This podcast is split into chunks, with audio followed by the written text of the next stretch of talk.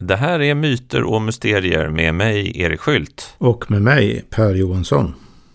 Och eh, som vanligt, tack till alla som har stöttat oss. Eh, oerhört roligt och eh, tack för all fin respons. Eh, det är många som skriver till oss på olika sätt, eh, kanske framför allt via vår eh, Facebooks, Facebook-sida.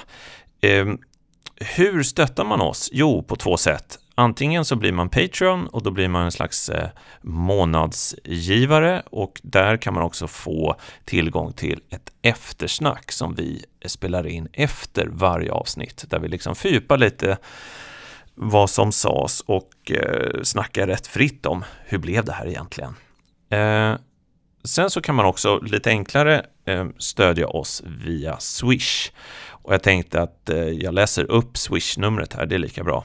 Det är då 123 56 53 803. 123 56 53 803. Ja, med det sagt, det är väl dags att eh, köra igång. Yes, det är det.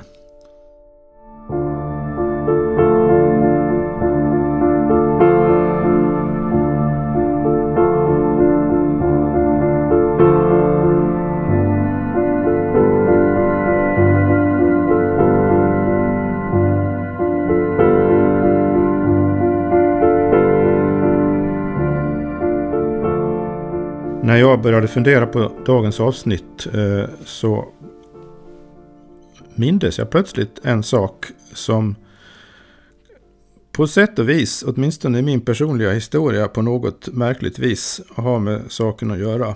Det var nämligen så här att när jag var i tidiga tonåren, det säger i högstadiet, så hände det då och då på kvällarna när jag låg och skulle somna att det liksom sa sa klick.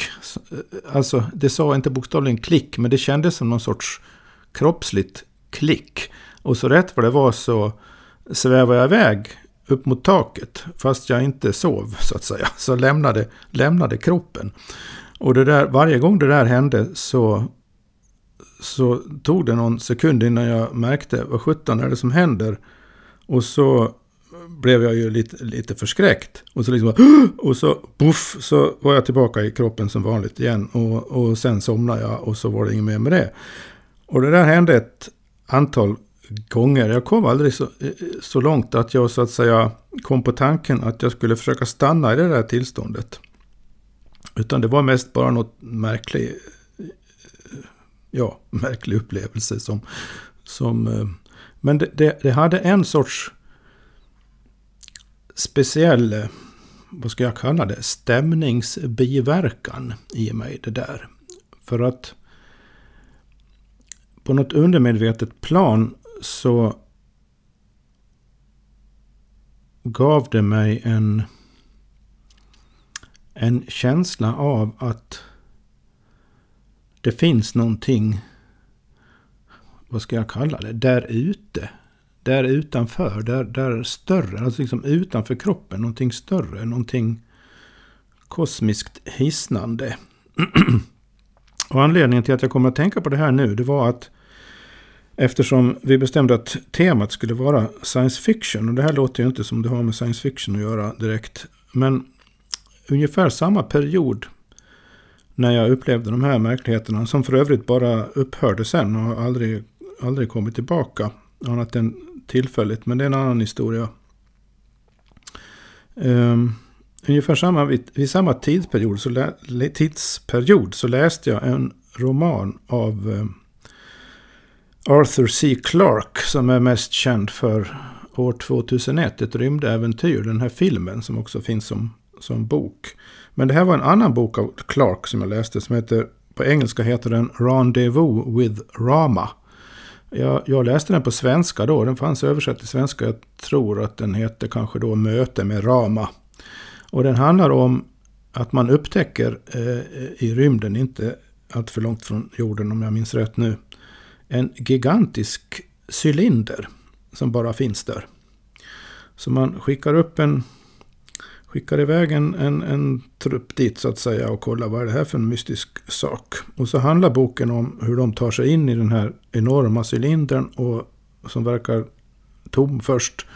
Och eh, ja, den har en massa innehåll men det är ingen som förstår vad det, vad det är. Och vem är det som har producerat det här? Och det är ungefär så mycket jag kommer ihåg nu också. Men associationen jag fick nu då var att när jag läste den här boken, som jag i mitt minne i alla fall är den första science fiction-bok jag läste. Så gav den mig samma egendomligt hisnande något större finns-känsla som de här eh, utanför kroppen-upplevelserna. Och det här är väl kanske för mig en rent personlig association. Men samtidigt tror jag det säger någonting. Åtminstone är det ett, en rätt så annorlunda utgångspunkt för att börja prata om science fiction. Mm. Tänker jag. Jag tror att det finns någonting där i, alltså, vad ska man säga, eh, bara i stjärnhimlen. Alltså, ja. vi lever ju, nu, nu lever vi ju i, liksom, de flesta lever i städer och man ser inte stjärnhimlen så ofta. Men, men förr i tiden, när människor före elektriciteten, så var ju stjärnhimlen så otroligt närvarande. Ja, det har jag och, senare i livet upplevt vid ett antal tillfällen. Det mest minnesvärda var för många år sedan nu. Jag var i, i bergen i södra Mexiko. Mm. På en, en, en, tog någon buss där över bergskedjan i allra sydligaste Mexiko. Och så stannade den mitt i natten för kissepaus. Och så gick vi ur där då och så gick man iväg en bit och det var ju kolmörkt. Det var långt från allt vad bebyggelse heter, flera mil till närmaste ort. Så det fanns ju liksom inget sånt här artificiellt ljus alls. Och så, så märkte jag att men man ser ju bra fast det är mitt i natten. Fast det är mörkt. Är det månsken eller? Nej, det var ingen måne. Jag kunde inte se någon måne. Men sen när man tittar upp så ser jag då Vintergatan. Som lyser så oerhört starkt. Och är så nära på något sätt. Och dessutom, den lyser alltså så starkt så att man kan orientera sig för ljuset från Vintergatan.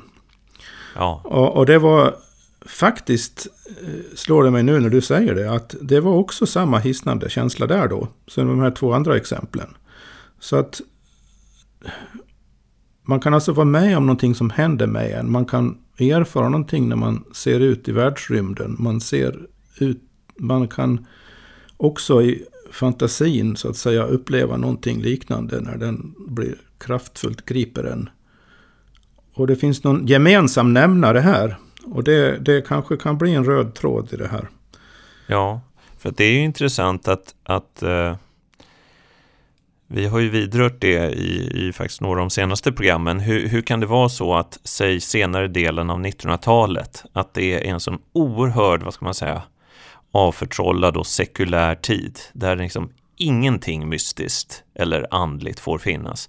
Det är ju samma tidsperiod då, vad ska man säga, urbaniseringen verkligen tar fart och elektriciteten sprids överallt och gör då att, att, att stjärnhimlen inte, inte längre syns. Alltså det, jag kan verkligen tänka mig att några av de här, de mest hårdnackade ateisterna, eh, Jacques Monod och hans gäng, de sitter liksom inne i Paris innerstad och det, det är bara gatlyktor och det, det är inga stjärnor som syns där.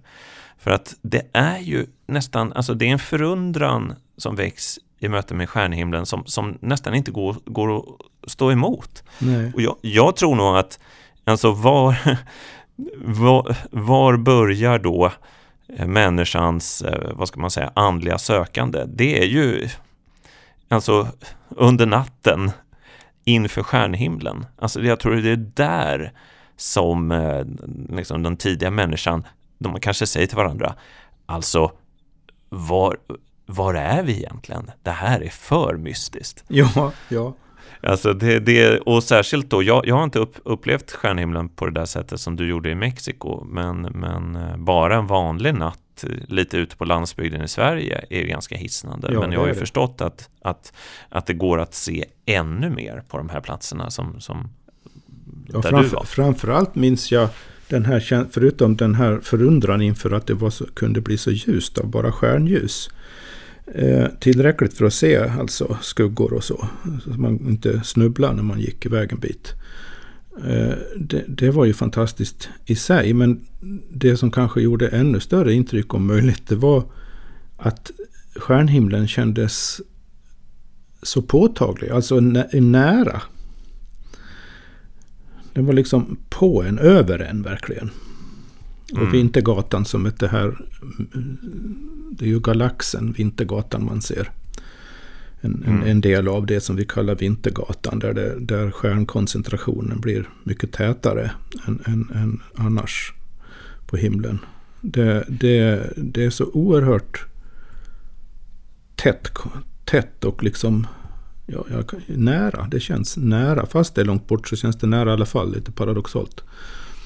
Jag måste bara innan vi går vidare och pratar om stjärnhimlen och rymden så måste jag säga någonting om det där som, som du nämnde allra först. Det där att du liksom vad ska man säga, lämnar kroppen lite grann i, i, i, i, alltså i samband med att du ligger i sängen och ska somna.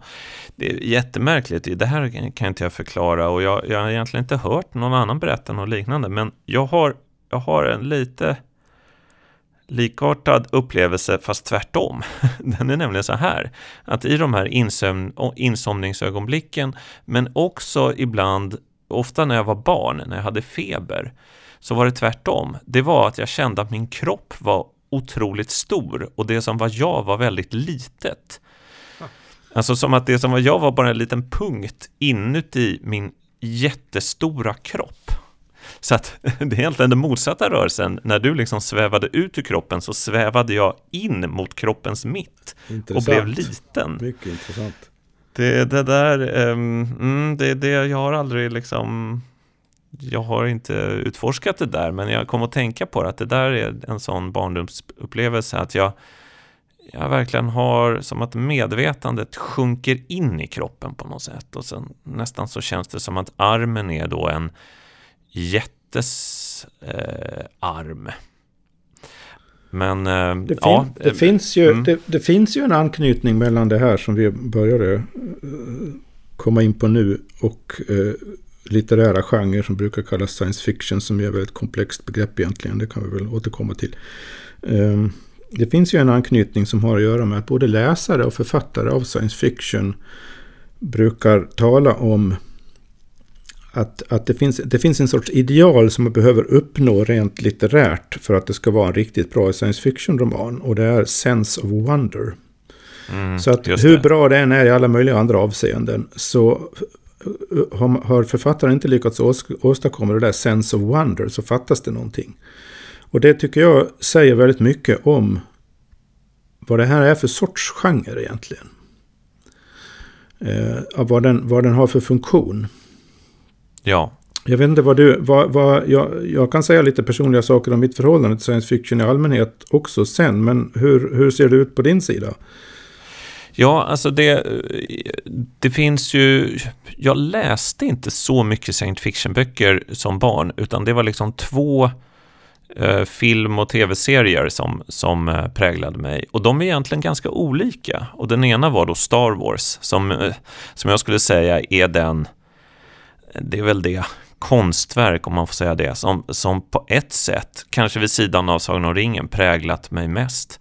Och också på, på, eh, på, på ett väldigt andligt plan. För det finns ju en, en faktiskt i grunden en ganska så avancerad eh, andlig aspekt av, av den serien. Och då var det ju de här tre gamla filmerna. Alltså den, den som kom på 70-talet och sen 80 och 83. Och det här var jag som helt besatt av som, som, eh, som barn.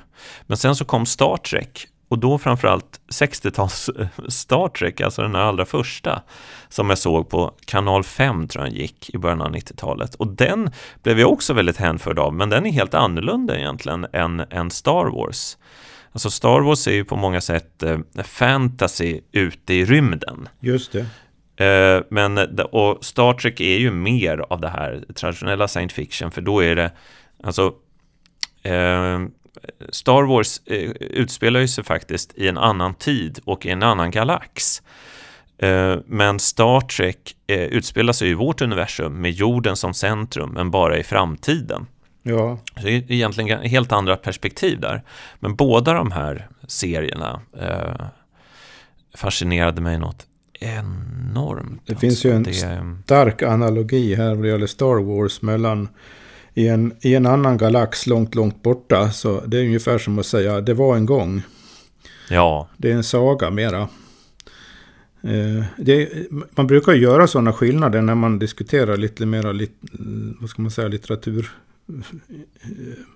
analytiskt science fiction så finns ju det finns ju många nördar på det här området och de brukar strida om hur man ska kategorisera olika saker. Men en, en sorts huvuddistinktion är ju mellan det som kallas för hard science fiction och eh, ja, i princip resten. Men om man tar Star Wars så är det någon sorts soft science fiction då. Och det enda, det enda som är science fiction egentligen i någon sorts striktare mening i Star Wars är att det är eh, rymdskepp och teknologi och, och ute i rymden och sådär på något vis. Men mm. rent innehållsmässigt, tematiskt övrigt så är det inte mycket science om man säger så. Nej. Hard science fiction däremot eh, brukar premissen vara att man utgår ifrån någon etablerad eh, vetenskaplig teori inom astrofysik eller kvantteori eller det kan vara något, någonting sånt. Det kan vara andra saker också som evolutionsteori. Och så extrapolerar man så att säga det och skapar en, eh, en dramatik. Eh, vad, om, den, om, om den här vetenskapliga upptäckten eller om den här teknologin dras till sin spets och människor så att säga utsätts för detta i vardagen eller i någon viss situation. Hur reagerar de då? Och vad händer och vilka sociala konsekvenser får det etc. etc. Det, så bygger ju de här hard science fiction författarna upp sina historier. Och det här, det här har jag faktiskt från hästens mun själv. För att eh, ehm, för rätt många år sedan nu så deltog jag i en veckolång workshop i, på Vetenskapsakademins forskningsstation i Abisko. Eh, som gick under titeln The Science of Stories and the Stories of Science. Som, eh, där man alltså, eh, temat för en massa föredrag och seminarier och diskussioner var hur pratar man om vetenskap? Och ett sätt att prata om vetenskap är att skriva sån här hard science fiction. Då. Så eh, flera av världens ledande hard science fiction-författare var med på den här workshopen. Så jag, jag pratade mycket med dem. Eh, och, och, bland annat Larry Niven, Greg Baer, Gregory Benford, Paul McCauley och eh, jag tror det var Larry Niven som hade en lång utläggning om, om det här jag sa just nu. Hur Eh, på ett seminarium. Hur konstruerar man en science fiction-roman? Alltså om någon får för sig att skriva en hard science fiction-roman, vad, vad är hantverket i det hela? Och då uttryckte han det just så här.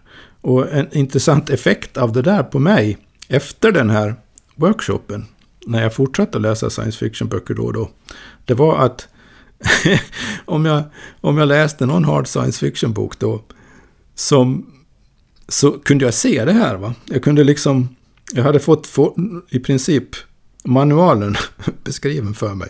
Så när jag läste boken så kunde jag genomskåda det där. Aha, nu har de tänkt så här. Och nu händer det här därför att och så vidare. Och då försvann ju hela magin. Mm. Mm. Så att de enda science fiction-böcker jag kunnat läsa efter det överhuvudtaget är de som så att säga transcenderar det. Så, så om, om, om, det, om den strategin, skapar, skapar strategin är för genomskinlig för mig då så, så biter det liksom inte. Ganska intressant. Eh, apropå det här med sense of wonder då. Alltså det, det, behövs något mer för att det ska lyfta. Än bara att det är någon sorts spännande intrig eller någon sorts intressant idé bakom det hela. Mm. Det finns ju en lite rolig, jag vet inte om det är parallell, men det är en rolig historia om hur, hur Star Wars eh, kom till. Det var ju att eh, eh George Lucas han var ju hyfsat framgångsrik filmregissör redan innan. Han hade gjort en film som på svenska tror jag heter Sista natten med gänget. Ja, det, som, minns som, jag väl. Ja.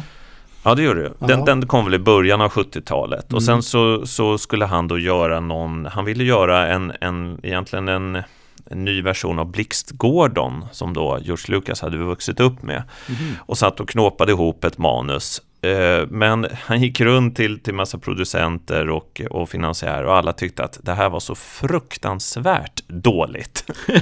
det var liksom bara massa, massa liksom eh, scener som inte hängde ihop och det var allt, allt för mycket liksom sådär amerikansk klichéartad science fiction.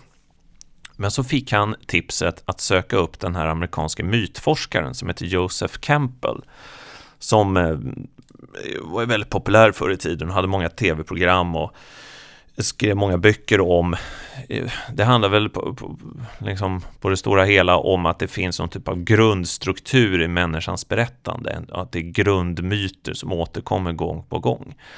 Och det där hade han ett möte med George Lucas och eh, George Lucas då tog den, vad ska man säga, en liksom grundmallen för hur en, en myt berättas och la in den på sitt ganska splittrade eh, manus med eh, eh, Blix Gordon som förebild. Och där så hände någonting. Alltså det blev unikt bra. Men de som kan de här mytstrukturerna kan då efterhand se att det är otroligt eh, liksom enkelt bygge egentligen. Ja, ja, ja det, det är väldigt tydligt tycker jag också. Ju. Det, det är också det som gör, på sätt och vis i stor utsträckning, gör Star Wars till just en saga. Ja. I, I samma mening som vi har pratat i vår serie om sagorna. Och, och Sagan mm. om ringen framförallt. Det, det, det är verkligen så. Mycket, många, även hard science fiction-böcker har eh, en del av det där i sig. För att det, det tror jag har att göra med att, och filmer, eh, det har, tror jag har att göra med att att det finns en viss, eh, det finns en sorts norm för vad som är en bra berättelse.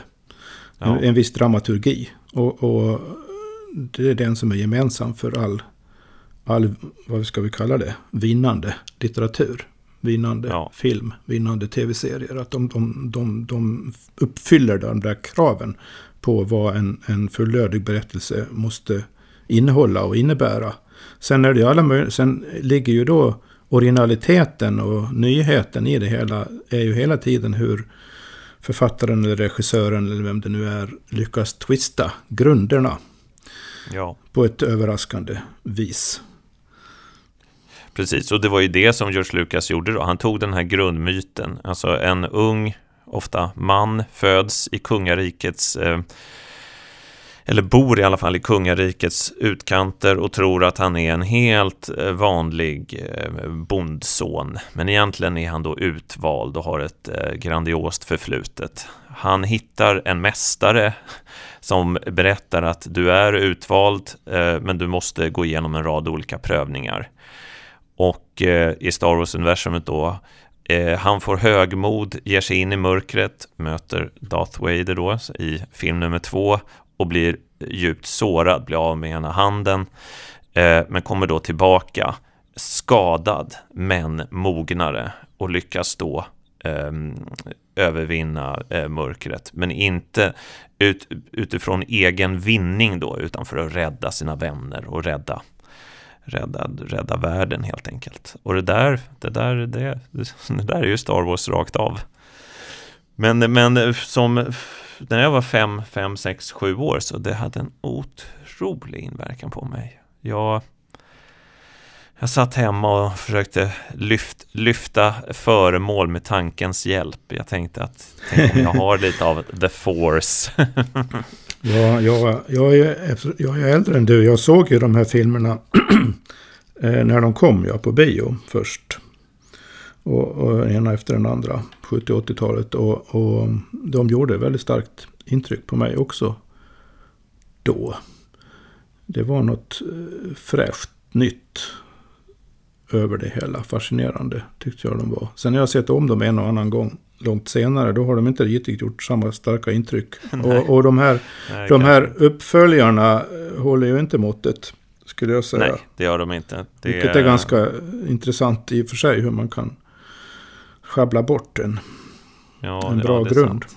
Men det, det, det, är en nörddiskussion som vi inte ska ge oss in mm, i tror jag. Nej, men, men det här med rymden då, vi går tillbaka till mm. förundran inför stjärnhimlen. Alltså det, det är... Eh, Alltså, Ja. jag, jag måste fråga dig en sak. Eh, Det, det, här, det där kanske låter jättemärkligt, men ibland så får jag en känsla av att, vad ska man säga, rymden inte finns. Mm. Alltså att den är, den, är som en, den är verkligen som en duk som är liksom sträckt eh, ovanför jordklotet. Ehm, och vi, vi, vi, vi tror då, och vi har ju väldigt starka skäl att tro eh, tack vare kosmologin och eh, astronomin att det finns massa saker där ute. Men ibland så börjar jag tvivla och tänker att nej, men det är bara saker som korresponderar då med, med oss här nere. Att eh, det är liksom en eh, illusion, allt det där. För att det, det, det finns ju två saker som, som är så märkliga. Det ena är att det verkar nästan omöjligt för människor att lämna vårt solsystem och resa till en annan planet eller annan stjärna. Det, det, det verkar väldigt, väldigt, väldigt, väldigt svårt. Eh, och det andra är att det är så tyst där ute. Och det brukar astronomer själva säga att de, de tycker det är konstigt. Alltså det borde vara... Alltså man vet ju nu att det finns så många planeter eh, som kretsar runt olika solar i vår galax. Någonstans borde det finnas lite civilisation som skulle kontakta oss på något sätt. Men det är så tyst.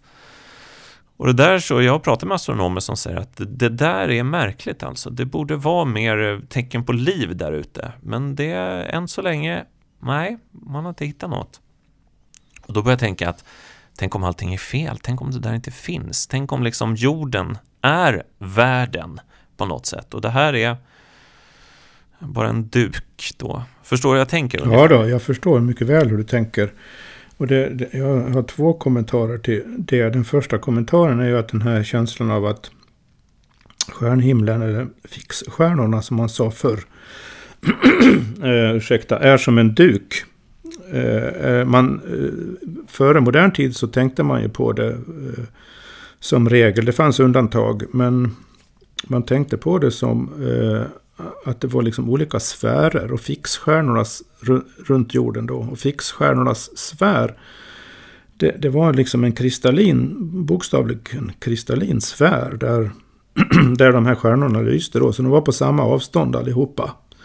Som, ungefär som du säger, som en duk då. Jag ska inte gå in i detalj på det där, men eh, så upplevde man tydligen de flesta eh, stjärnhimlen förr. Och det är därför man kallade vissa stjärnor för planeter då. Det kommer av ett grekiskt ord som betyder vandrare.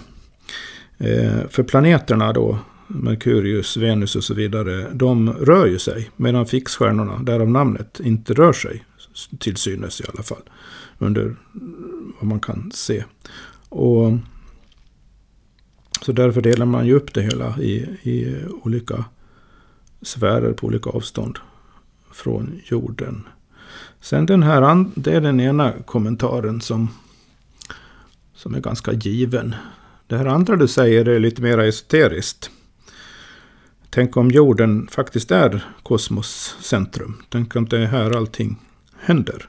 Och, och den tanken utesluter ju inte att, att, att rymden är enormt stor. Att det finns miljarder stjärnor i Vintergatan, att det finns miljarder galaxer och så vidare. Men, så i så fall är ju då om man tänker väldigt märkligt esoteriskt här nu då, så är ju denna enormitet snarare ett tecken på något än något rent fysiskt väsentligt. Det finns någon sorts oändlighet i det hela. Det där, det där är en tanke som man kan gå vidare med som för, väl i så fall kräver ett eget, eget, eget program. Men, Mm. men, men eh, att överhuvudtaget börja tänka i den riktningen och inte framstå som om man har tappat förståndet kräver ju rätt så mycket, vad ska man säga, förberedande antaganden av olika slag som har att göra med vad är förhållandet mellan hur vi via våra sinnen uppfattar världen och vad verkligheten är. Om verkligheten är större än världen så att säga. mm. Sådana frågor måste man komma in på då. För vi, tar, vi har ju, I vardagslag har vi ju en tendens, särskilt i vår materialistiska tidsålder, en tendens att liksom tänka att världen, ja det är den här fysiska verkligheten vi har runt omkring oss. Och så är vi eh, på något märkligt vis subjekt i den här fysiska verkligheten. Men om den fysiska verkligheten i lika hög grad är en manifestation av vårt inre som någonting i sig själv. Så, så kan man ju börja resonera i den där riktningen på lite andra premisser. Som egentligen inte är irrationella utan bara ut, utgår från erfarenheter på ett annat sätt än, än det vi har vant oss vid och skolats in i. Jag har ju en tanke där som, som är helt... Ja, den, den, den kan vara märklig, men du, du kommer ihåg att vi i ett tidigare program för ganska länge sedan eh, talade om att i, i, hos de gamla naturfolken så är det förbjudet att gräva i jorden. Mm. Det är liksom, jorden tillhör dödsriket. Och där finns då, och det, det, här var väl i den serie vi kallar för Staten och kapitalet, så det handlade om att oljan ligger liksom nere i, i, i jorden, i någon typ av gravkammare nästan. Och det är då tabu att gräva upp det här. Det är att beblanda sig med, med dödens materia. Och det leder till massa dåliga saker, vilk, vilket eh, utvinningen av olja faktiskt har gjort. Vi har ju fått massa energi, men det, men det leder till, till eh, eh klimatförstöring. Eh, så, så, så där utgick vi från den gamla tanken att, att underjorden och eh, jorden är liksom tabu. Men jag får ibland en lite liknande aning om rymden. Mm. Alltså det är inte meningen att vi ska vara där. För att det här är ju lite intressant när man talar om science fiction. Det, det blir ju som starkast, eller som kommer som en stark trend då från det väl 30-40-talet och sen så exploderar efter andra världskriget och sen så kommer den här rymdkapplöpningen och människan landar på månen i slutet av 60-talet. Där fanns det ju väldigt mycket positivt kring rymden och eh, man trodde ju att det här skulle utvecklas, eh, kommersialiseras och runt år 2000 så skulle man åka på semesterresor till Mars. Eh, för att utvecklingen hade gått så snabbt fram tills månlandningen. Men sen så stannar det ju av. Och, och, om det är någon lyssnare som, som eh, eh, liksom har det här med konspirationsteorier som specialintresse så, så, så, vet man ju att det finns enormt mycket ganska så vilda teorier om, om varför liksom, månkapplöpningen egentligen stannar av. Men om jag ska dra det helt kort så är, är det en, en av de eh, då eh, vanligaste teorierna det är att amerikanerna när de landar på månen helt enkelt eh, hittar någonting eller blir kontaktade av någonting som säger att ni har ingenting här att göra. Eh, och därför så, så, så slutar man med det här. För det, det är ju lite märkligt alltså. Det, det är ju en tre, fyra, fem eh, landningar på månen och sen så händer ingenting.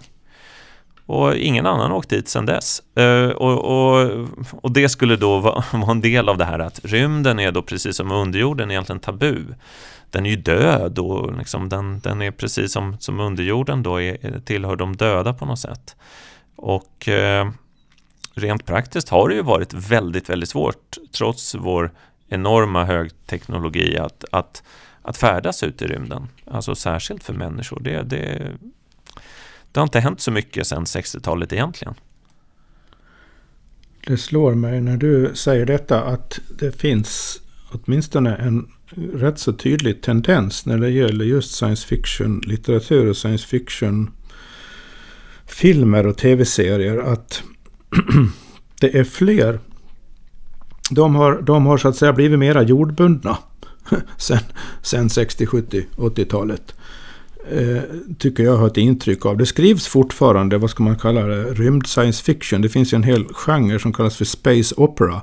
Det, det kan vara hard science fiction, det kan vara mer av Star Wars-hållet. Men space opera brukar ju vara, beteckna då de här riktigt episka eh, ute i rymden berättelserna eh, med galaktiska civilisationer och så vidare och kolonisering av andra planeter. Och det som man kanske, i alla fall i min generation, förknippar mest med, med science fiction egentligen. Det har någonting med rymden att göra. Men eh, väldigt mycket av eh, nutida science fiction är ju är ju just science fiction. Alltså fiktion grundad på vetenskap eller teknologi i ett eller annat avseende. Och, och, och är, ligger mycket närmare eh, det är liksom snarare en extrapolerad eller förstärkt eller överdriven nutid. Som, som tar till exempel en tv-serie som Orphan Black. Som hör till mina absoluta favoriter. Som eh, har gen... Eh, teknik, kloning som te, bärande vetenskapstema. Eh, vad heter den här brittiska serien? Är det Black Mirror? Som drar saker till sin spets som vi känner igen från vardagen. Men så är det liksom överdrivet några snäpp. Så att vi känner fortfarande igen oss eh, i, det hela. Den sortens science fiction har, eh, tycker jag dominerar mycket mera nu. Mm, det är sant. Science fiction har blivit mer jordbunden. Ja. Rymden. Så det är alltså nästan som om någon sorts vision som har, har någon sorts allmän kulturell vision som har försvunnit och blivit trängre ja, på ett sätt. Ja, ja, ja det, det, det är sant. Alltså för att, men men det, sen finns det ju undantag. Om man, om man tänker tv-serier. En, en väldigt bra science fiction tv-serie som eh, jag tror det är på eh, Amazon Prime. Man kan se den. Som heter The Expanse. Eh, det är ju mera sån här rymd science fiction. Också. Så det görs ju sånt fortfarande. Jag inser att, att min den här eh, spaningen om att det, det, finns någonting tabu ute i rymden, någonting som vi inte ska komma åt. Den, den, den hänger ju faktiskt ihop med, med ett annat epos som har påverkat mig djupt, eh, nämligen de här Alien-filmerna. Ah. Där är det ju väldigt, det är ju så att det är ett fraktskepp som färdas genom rymden och så får de en konstig sån här eh, nödsignal. Och eh, då är det väl, tror jag, att de måste liksom undersöka den. Det är någon slags rymdregler. Och så gör de det, och så går de i land och sen så hittar de något jättekonstigt gammalt rymdskepp. Och så, så um, är det då en av i besättningen som blir infekterad av det här som ska bli det stora alien-monstret. Och det är ju verkligen att eh, människan åker ut, gräver för djupt och tar med sig någonting farligt tillbaka till jorden. Just det. Det, det, där, mm. det är temat också i den här jag nämnde, The Expanse. Är just det också temat egentligen. En, en, av, en av huvudingredienserna intrigen där, är där också att man upptäcker någon sorts självreproducerande mystisk sak som uh, har alla möjliga egendomliga egenskaper och som verkar högst riskabel att ha att göra med. Mm. Mm. Nej men det är ju intressant, alltså för att, för att eh, jag menar eh, litteraturen och, och, och liksom, menar, all, nästan all typ av konstutövande är ju någon typ av utforskande av människans möjligheter. Jag menar, jag, jag är helt övertygad om att, att väldigt mycket som händer rent eh, praktiskt, både upptäckter och, och liksom förändringar i samhällen, eh, Eh, har sin, eh, vad ska man säga, det finns en grogrund i, i, eh, i konsten och litteraturens värld. Alltså det börjar där. Förundran och längtan efter det nya och det annorlunda börjar där och sen så förver förverkligas det förverkligas efter ett tag. Och då är det inte så konstigt att liksom det här science fiction blev väldigt stort, kanske 30-talet då. Och så plötsligt, några decennier senare, så, så är människan ute i rymden. Jag, jag, och, och sen, mm. jag tror att science fiction är är en eh, den bästa science fiction som också har utövat inflytande så att säga utöver sin egen lilla sfär litterärt. Eh, är ju att den, den, eh, den undersöker, lite grann som jag sa apropå hard science fiction, men man kan generalisera det också. Den, den, den undersöker potentialen i någonting som man identifierar i nutiden eller i samtiden eller historiskt för den delen. Och så drar man de yttersta konsekvenserna av det och dramatiserar det och gör det på, sätt, på så sätt både begripligt och hanterbart för inte bara fantasin utan också tankeförmågan generellt. Och det är också ett känt faktum att en hel del av de tekniska innovationer som vi översvämmas av nu för tiden eh, har inspirerats av science fiction-berättelser bokstavligen. Så att eh, man skulle till och med kunna säga att en, en del science fiction scenarion har så att säga varit en sorts utgångspunkter för teknikutveckling. Och, och, och det, där, det där har tydligen gått så långt så, så science fiction författare har fått, fått problem. För att den, den tekniska utvecklingen går liksom fortare än science fiction hinner fantisera. Mm. Eh, så det har blivit, jag har hört det från flera håll och läst om det olika intervjuer och sådär. Att det har blivit svårare och svårare att skriva den sorts science fiction som vi på något sätt var vana vid. Ja, till och med någon gång kanske, till och med 80-talet kanske. Sen på 90-talet och framåt så började det skifta. För att den, den typ av science fiction vi var vana vid tidigare, den var, var just, hade den där, apropå sense of wonder. Sense of wonder handlade mycket om, oj, vad det, så här kan det bli i framtiden. Så, så det fanns en väldigt framtidsorientering eh, i, i det hela. Den verkar nästan helt ha försvunnit. I den mån den, mm. i, den mån, i positiv mening. I den mån den finns kvar så är den rent dystopisk. Och det är också intressant för, när det gäller de här, så att säga, jag menar jordbundna science fiction-verken. Uh, ja. Att de är i de allra flesta fall just dystopiska. Ja. Uh, så det, det, här, det här säger någonting om, om allmänt kulturellt. Så, så, det är det som gör science fiction intressant också uh, som mm. fenomen. Det är en sorts kulturell barometer i hög grad. Mm.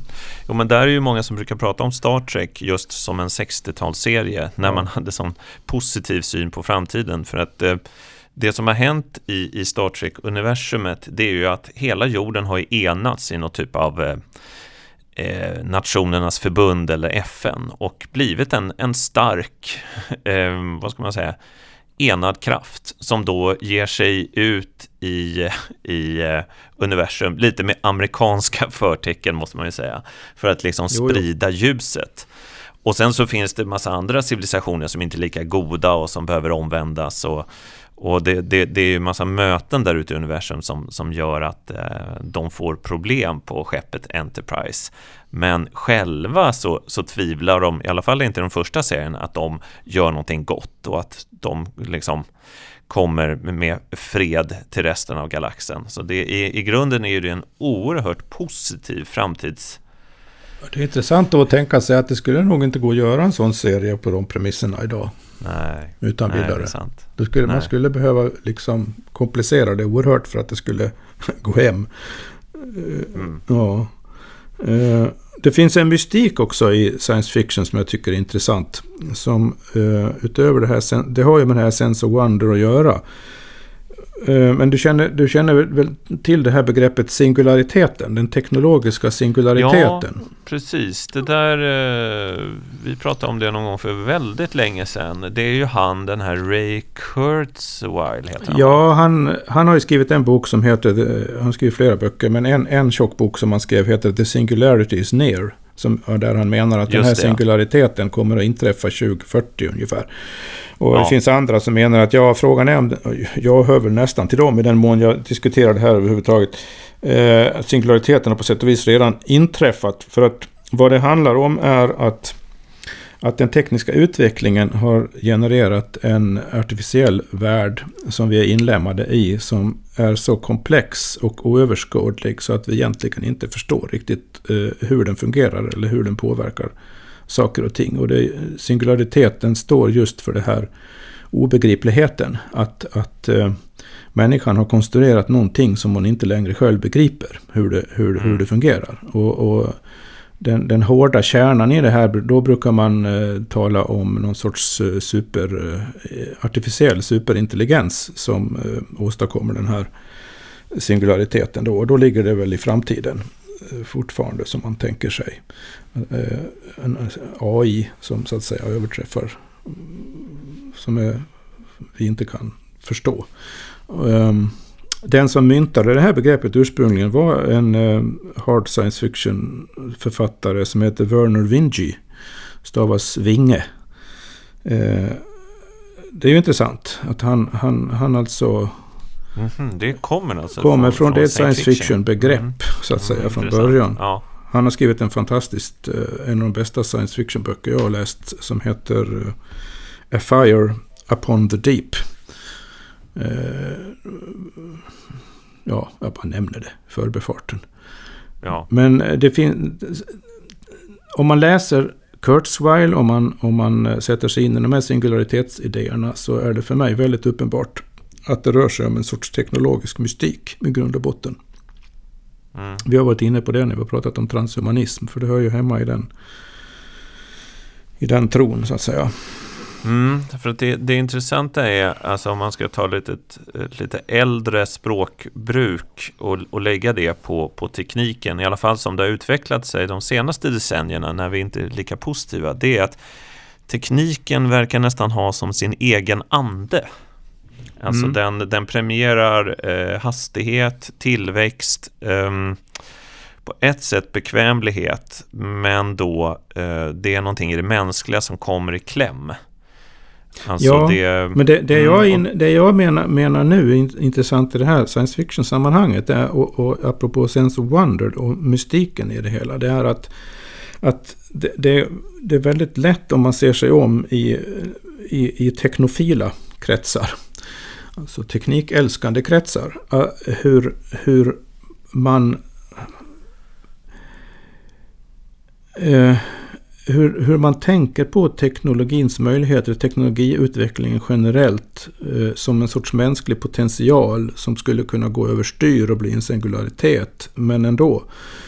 Eh, hela tankefiguren här är en har, har religiösa drag. Alltså det, det, om man, man kan i, ibland nästan bara översätta det till teologi, det man säger, så ser man att det är, är samma ta tankefigur involverad. Det tycker jag är, är kolossalt anmärkningsvärt. Om man är helt blind för det där själv också. För de här, de här människorna ser ju, ser ju sig som, som någon sorts anti, antireligiösa ja, materialister. Ja. Men så som de liksom själva drömmer om det och fantiserar och, och, och skriver om det. Och hur, hur, hur de lägger upp sina verk så att säga i viss mån dramatiskt så har du alla ingredienserna för, för en, en, en någon sorts ren mystik som antingen är eh, ja, en sorts frälsningslära mest, nästan. Ja, precis. Är det det som är det mest teologiska? Är det, är det att, att Ja, men det är också, okay, om, det är också mm. att, att, att teknologin kan människan skapa Gud, så att säga i form av teknologi. För att det är ju det ja, man gör det. om man skapar en sån här artificiell superintelligens. Så är den, blir ju den då, om man fullföljer det här singularitetsresonemanget, så blir ju den lika outgrundlig och ofattbar som Gud har varit ja, i traditionell det, teologi. Det. Och det är det jag menar framförallt med att det mhm. blir en mystik av det hela. Men skulle man inte säga då med, eh, med gamla testamentets språk att det här är att göra sig ett beläte? Jo, jo, jo. Alltså det, det, är väl, det är väl det det är. att att det är att människan tror att, att vi själva kan skapa gudomen och tillbe den. Och, och, och, det finns ju en frälsningsidé, det har du helt rätt i. För att eh, många av de som är mest, mest engagerade i de här eh, kretsarna, de ser ju människans brister. Alltså både rent fysiska brister med att vår, vår livslängd är begränsad och sjukdomar och sådana saker. Men också olika själsliga brister och att vi kan bli deprimerade eller olyckliga. Och allt det här ska då lösas med teknikens hjälp. Ja, och så precis. Det, det är det sista som är, som är, är, det, är det centrala här. Mm. Man, man ser nu då, liksom man, man kan vid det här laget, alltså man, det går inte att förneka att den digitala teknikens potential är oerhörd. Eh, så när man ser då den potentialen och så jämför man med liksom vanligt mänskligt tänkande så, så tycker man att oj, oj, vi, vi kommer till korta här. Vi måste uppgradera oss så vi hänger med vår egen teknologi. Eh, och vi måste, vi måste liksom integrera oss med teknologin. Där har du ju transhumanism-grejen. Så att man, man förbättrar människan, man förädlar människan med yttre medel skulle man kunna säga. Och det där är ju helt ja. i linje med, med hur eh, vetenskap har kommit att användas eh, generellt. Faktiskt. Eh, och så att istället för att ägna sig åt vad man skulle kunna kalla karaktärsutveckling eller självkultivering och att människan själv såsom levande person blir mera gudalik. Så, vilket är ganska krävande process då. Så hittar man på en teknologisk genväg istället. För att åstadkomma eh, vad som på ytan förefaller vara samma sak. Det, som, Mm. det, vad, vad, jag, vad det säger mig, det är att det finns i människan en inbyggd konstitutionell strävan till utveckling. Att utvecklas som människa. Att utvecklas i sin mänsklighet. Och nu när vi har de här starka verktygen till vårt förfogande så projicerar man så att säga den driften. Den viljan att utvecklas på, på dem och med hjälp av dem. Och därmed missar man vad det egentligen handlar om, hävdar jag. Mm. Man förstör istället förutsättningarna för att göra det på riktigt. För att den Så att det är inre vilse, en vilsegång. Mm. Ja, den inre utvecklingen den avstannar och allting blir yttre. Ja. Ja, just det. Men här finns ju ett, ett, ett av modern science fictions mest eh, centrala verk. Eh, vi- har pratat om det tidigare, men det är värt att nämna igen. Och det är filmen Matrix. ja. Som, om Star Wars påverkade mig djupt i, i, jag menar, i den där eh, tioårsåldern så kom ju Matrix att påverka mig oerhört um, starkt i 20-22-årsåldern. Ja. Jag förstod ju inte första gången jag såg den. Då tyckte jag att den var, eh, att den var dålig. Alltså det, ja, Alltså, ja, ja, nej, men jag hängde inte med, jag var tvungen att se den en gång till. Ja. Och då fattade jag. Eh, Jag fick lite hjälp av några eh, mer belästa kompisar som sa att nej men eh, det här är ju gammal gnostisk teologi, alltså att världen är då ett fängelse på något sätt och så ska du vakna upp från det och så ser du den riktiga världen. Och, och, och så är det ju för Neo då som som eh, är den utvalde, som, som är någon typ av programmerare i, i det han tror är den verkliga världen. Men sen så vaknar han ju upp på ett väldigt konkret sätt. Eh, för att han, han är ju egentligen, ja, hela mänskligheten är ju lagd i någon typ av artificiell sömn. Och det vi tror är världen, den, den finns inte kvar, den är bara datagenererad. Och den riktiga världen är liksom en farlig plats och liksom förfallen och hotfull. Men där så kan människan då som har vaknat upp ändå vara sann. Och när man tänker på det där så, ja, mm, det finns väldigt, väldigt många olika mystika lager i den filmen. ja, sedd, på ett, sedd på ett visst sätt så ja, det hör till mina absoluta favoriter. I alla fall den första filmen. Jag tycker om del två och tre tappar lite ifrån den Ja, första. den där, där blir lite för labyrintiskt. Men den första filmen hör ju till de absoluta mästerverken tycker jag. Och, och, och sedd på ett visst sätt så är den på sätt och vis en av de mest realistiska. Fast den är så orealistisk. Så är den på ett djupare plan väldigt realistisk om, om människans faktiska situation på många sätt. Jag tror det är därför också den har gjort så stort intryck på många lite mera tänkande personer som har, har drabbats av den där filmen. Mm.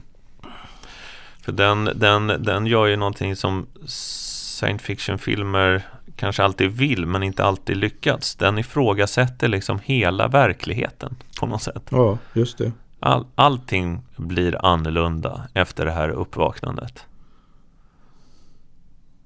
På riktigt allting.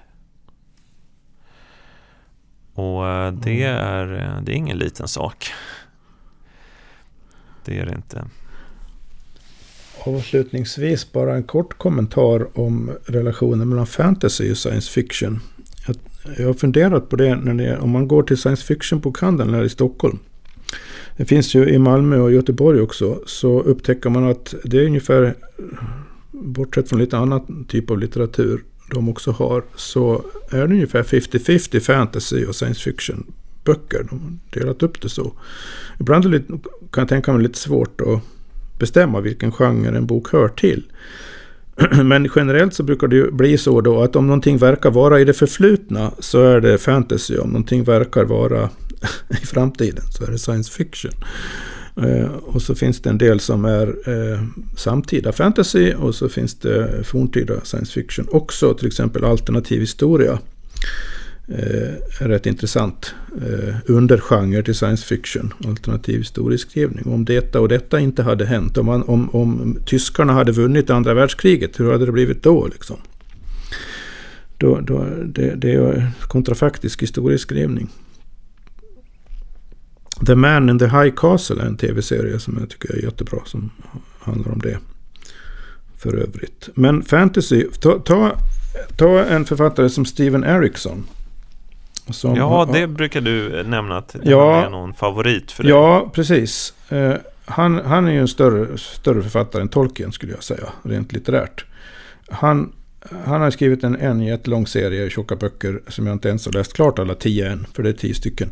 Som heter Malazan Book of the Fallen. Alla tio samlingsnamn. Eh, han har ju en bakgrund som arkeolog och antropolog.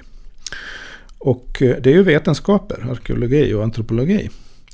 Och det använder han flitigt eh, i, i, i, de, i det här verket på ett realistiskt sätt. Så att precis som en hard science fiction-författare, han tar någon vetenskaplig teori och skapar en intrig kring den, som jag nämnde förut. Steven Erickson, han tar olika typer av eh, myter och magi som, man, som finns eh, hos olika folk. Och så förstorar han upp det något kolossalt på alla sätt och vis, utan hejd liksom. Eh, och då kallas det fantasy. Men det, man skulle lika kunna säga att det är antropologisk och arkeologisk science fiction han skriver. ja. Mm. Så det är lite intressant det där också hur vi delar upp saker och ting och kategoriserar saker. Och vissa, eh, ja, apropå science fiction som någonting som handlar om framtiden. Men har lite svårt att göra det nu för tiden. Annat än negativt. Men... Eh vad tror du då? Om vi, vi, vi, vi, sätter oss nu vid lägerelden, eller lägerelden måste ha brunnit ut så att vi verkligen ser stjärnhimlen och sen vecklar den ut sig sådär vackert över våra huvuden. Är vi ensamma i detta universum eller finns det någon där ute som, som liknar oss eller som, som sitter på någon annan planet och tittar ut på samma sätt? Vad, vad, vad tror du? Svaret på den frågan är helt beroende på vilken metafysisk grunduppfattning man har om världen och verkligheten. Mm. Så tänker man i sedvanliga materialistiska termer så är man hänvisad till spekulationer då om sannolikheter och så vidare. Och hur, hur uppstår liv och vilken sorts liv kan finnas. Och hur sannolikt är det att eh, liv utvecklas till någon sorts intelligens. Och i sin tur hur sannolikt är det att det uppstår någon sorts teknologisk civilisation som skickar ut radiosignaler som går att upptäcka på långa, långt avstånd. Och så vidare. Det, då får man ju spekulera så. Och det, det görs ju. Det finns ju hela vetenskaper som ägnar sig åt det där nu för tiden egentligen. Jag tycker själv att det egentligen det är i grund och botten helt ointressant. För att det lämnar aldrig jorden i alla fall. Det är fortfarande samma platta materialistiska tänkesätt. Så med en annan metafysik så, så måste man ju, gör man ju helt andra antaganden då om, om att verkligheten är större än, än den fysiska världen. Och, och då, fin, då, blir ju, då blir ju andra entiteter möjliga. Andra levande levande entiteter möjliga att tänka sig.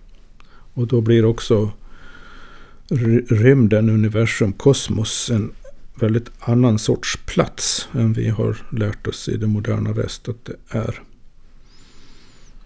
Men är, är, är, är rymden det där att jag sa att det var en farlig plats? Alltså kan det, tänk, tänk om det bor eller finns farliga saker i rymden. Finns alltså, det, den, den är, det finns mm, det säkert. För den är ju så ogästvänlig på något sätt. Det... All, vi har ju... Du har ju alltid de här två grundprinciperna. Den, den, den kreativa och den destruktiva. Eller den goda och den onda. Eller den främjande ja. och den hindrande. De, ja. de finns ju alltid. Och då måste man ju säga att eh, alltså den ja, det blir väl speciell metafysik, men, men rymden är ju tom. Alltså den är ju död på något sätt, eller hur? Ja, det, det, det, det, det är ju ett, det är ett materialistiskt sätt att att uttrycka det på. ja. Ja, Själva, mm. om, om, man tänker att, eh, att, att eh, kosmos är uppbyggt av en interaktion av energier över långa avstånd. Och energier eh, är samma som liv. Så man kan, man kan ju mycket väl tänka sig någon sorts total kosmisk animism. Lika väl som en animism i naturen här på jorden. Mm, ja, det, det, det är för sig Stjärnorna sant. är i själva verket levande mm. varelser på hög nivå. Det var ju så man tänkte i det gamla Egypten. Ja, eller så hur? man det ju så. Ja, precis. Tänk om det är sant då? Ja, Tänk om Saturnus precis. också är levande mm. Och, mm. och Pluto. Och, att, äh, det finns andra sätt att tänka på det här än det vanliga. Och det är ju det, det, är ju det man också utforskar i just science fiction och fantasy i vid mening. Ja, det, det är det faktiskt. Men, men en, en sista sak som kanske, det, det, det får väl bli en språngbräda till till nytt program i och för sig. Och det handlar ju om att det finns ju en det, det här kan man inte kalla för science fiction kanske, men, men det är ju alla de här, vad ska man säga, UFO-rapporterna. Mm.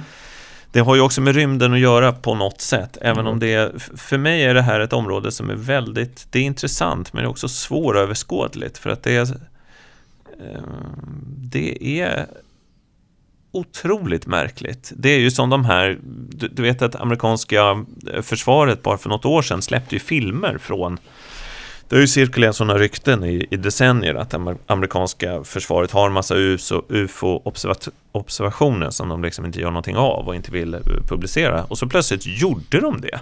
Mm. Otroligt konstigt. Mm. Och den, man kan ju titta på YouTube på de filmerna och det är ju att det är, det är en stridsflygare som är ute och övningskör.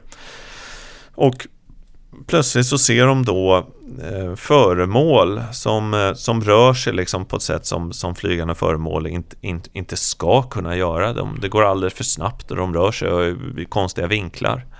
Och eh, jag menar, det här är ju släppt från militären. De, de säger ju de säger att de inte vet vad det är, men, men ingenting eh, vad de har kommit fram till kan ju förklara det. Så det, det verkar inte vara någon typ av bedrägeri i alla fall. Nej, det där finns det mycket att säga om. Det måste bli ett eget program längre fram. ja, det får väl bli det då. Ja, men det kanske är dags att avsluta för idag. Ja, det är det.